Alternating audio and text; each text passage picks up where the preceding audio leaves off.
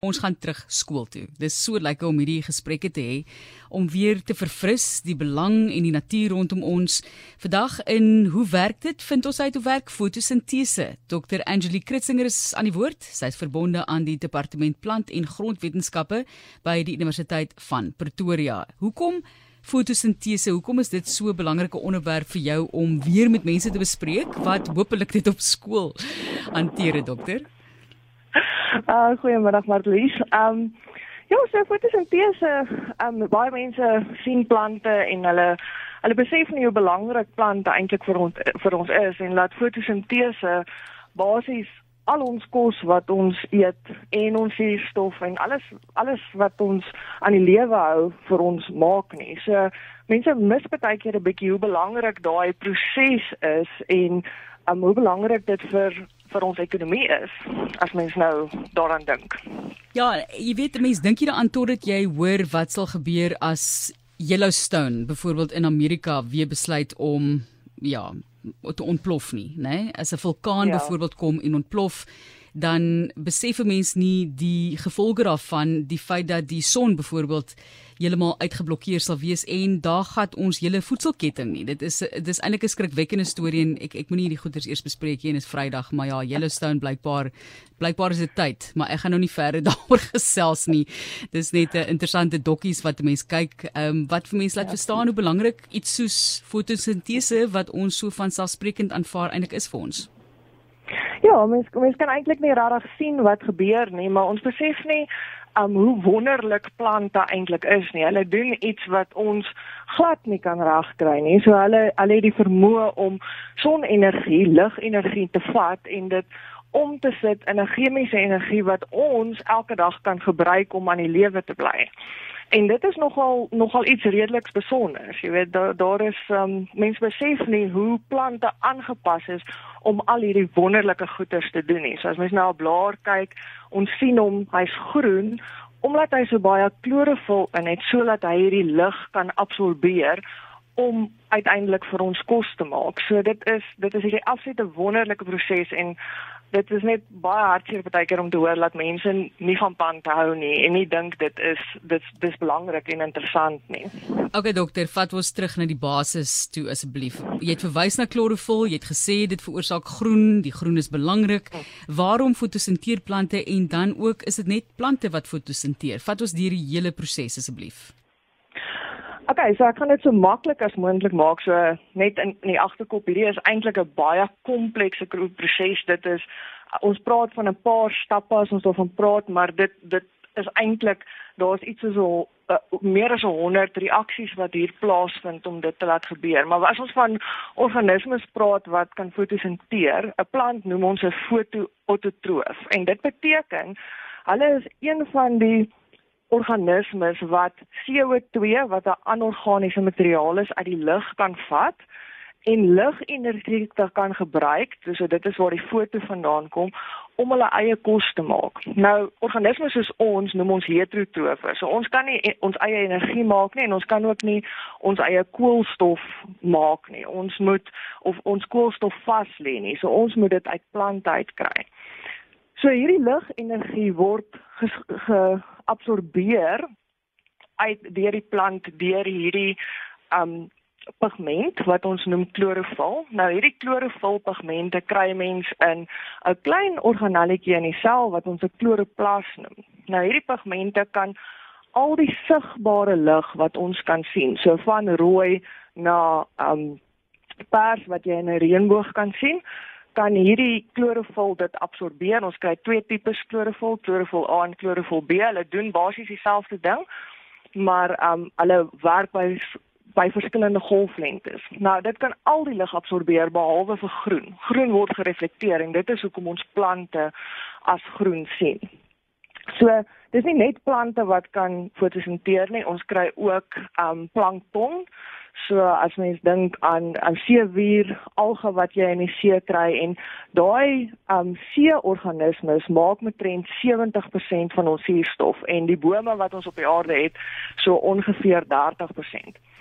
Maar as ons nou praat van fotosintese, dan het mens twee groot fases. Ons het 'n ligafhanklike fase wat ek nou net verduidelik het waar die lig um geabsorbeer word en dit word omgesit in 'n uh, chemiese molekuule wat ons noem ATP wat dan gestoor kan word en gebruik kan word om ander goeders te doen in die plant.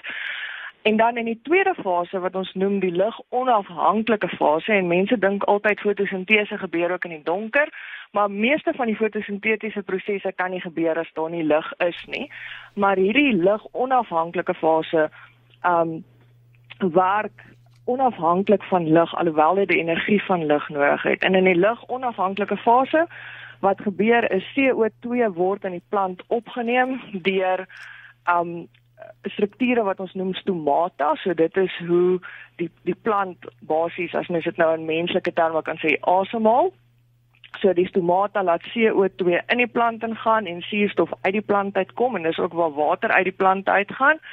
En dan word daai CO2 deur 'n klomp chemiese reaksies saam met hierdie energie wat ons um nou deur die ligreaksie geabsorbeer het, word dit dan in 'n suiker soos um, wat uiteindelik glikose is. Wat eintlik glikose word word dit dan in 'n suiker omgesit. En soos julle almal weet is glikose 'n baie hoë energie molekuule en ons kan dan daai glikose vat en deur die proses van respirasie daai glikose afbreek en die energie wat daarin vasgevang is losmaak sodat daar metaboliese reaksies in ons lywe kan plaasvind. So dit is nogal een van die miskonsepsies wat mense het is dat CO die CO2 wat in die plant inkom opgebreek word om die suurstof um los te laat, maar die hele CO2 molekuule word in die suiker vasgebind. Die suurstof kom eintlik in die ligreaksies moet um die plant moet elektrone gebruik om daai energie te te vervoer van een plek na 'n ander plek. En die water word dan opgebreek in waterstof en in elektrone en in suurstof en daai suurstof is die suurstof wat vrygelaat word wat ons dan inasem en uitasem elke dag. So dit is in 'n neutedop wat fotosintese is.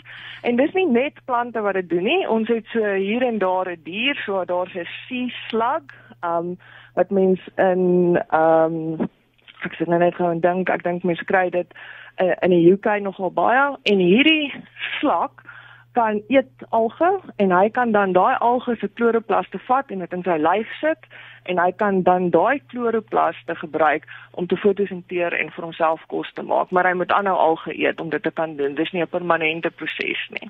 Ons gaan nou hoor wat gebeur met die plante in die huis wat nou nie in direkte sonlig staan nie en ook nie eintlik regtig direkte sonlig wil hê nie Maar dan is daar, ek noem dit eintlik die spekboom revolusie waaroor ons op 'n manier seker volgende gaan gesels.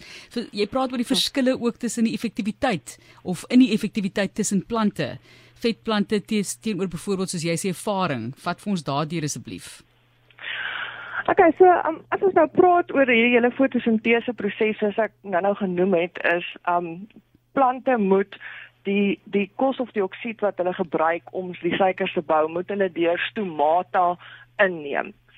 Nou as daai stomata, hulle sit gewoonlik aan die onderkant van 'n blaar en dit is basies 'n uh, 'n uh, opening in die in die blaar wat selle om hom het wat hom kan oop en toemaak. So hy kan reguleer hoeveel gaswisseling daar plaasvind.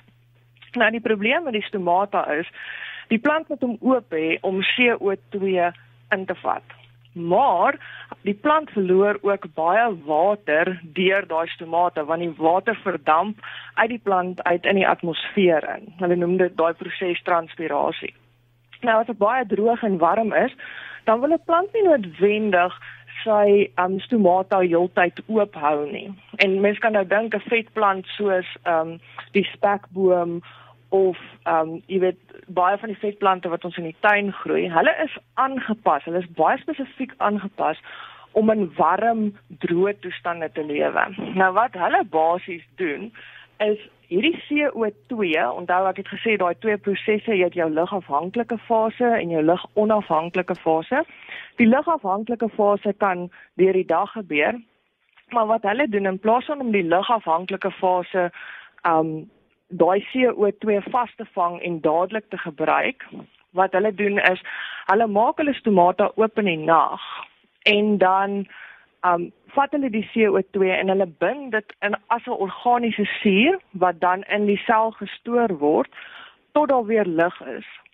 En dan as daar weer lig is, dan word daai CO2 vrygestel en dit word dan in suiker vasgevang. Nou hierdie plante soos byvoorbeeld die spekbome, ons noem hulle C4 plante of ons noem hulle CAM plante. Dit hang af na watter groep plante mens kyk. Hierdie plante um is baie meer effektief in fotosintese want hulle kan hulle stomata toemaak as dit te warm is en hulle het 'n konsentrasiemeganisme vir CO2 wat ander plante nie noodwendig het nie. So dit is hoekom daar hierdie revolusie is en almal sê jy moet spekbome plant want hulle neem meer CO2 op en hulle neem meer CO2 op, maar dis dis basies per gewig. En hulle doen dit omdat hulle die vermoë het om die CO2 al is daar 'n baie klein bietjie omdat hulle stomata toe is, omdat dit warm is, kan hulle nog steeds baie lae konsentrasies van CO2 in suiker in kan bind wat ander plante wat nie aangepas is vir warm droë toestande nie kan doen nie. So dit is hoekom almal nou gaan oor jy moet 'n spekboom gebruik, maar daar is baie baie plante wat dieselfde tipe ding kan doen. Baie van die grasse wat ons in Gauteng kry, is C4 grasse en hulle het ook die vermoë om by baie lae konsentrasie CO2 in warm droë toestande nog steeds te fotosinteer waar ander plante nie kan nie.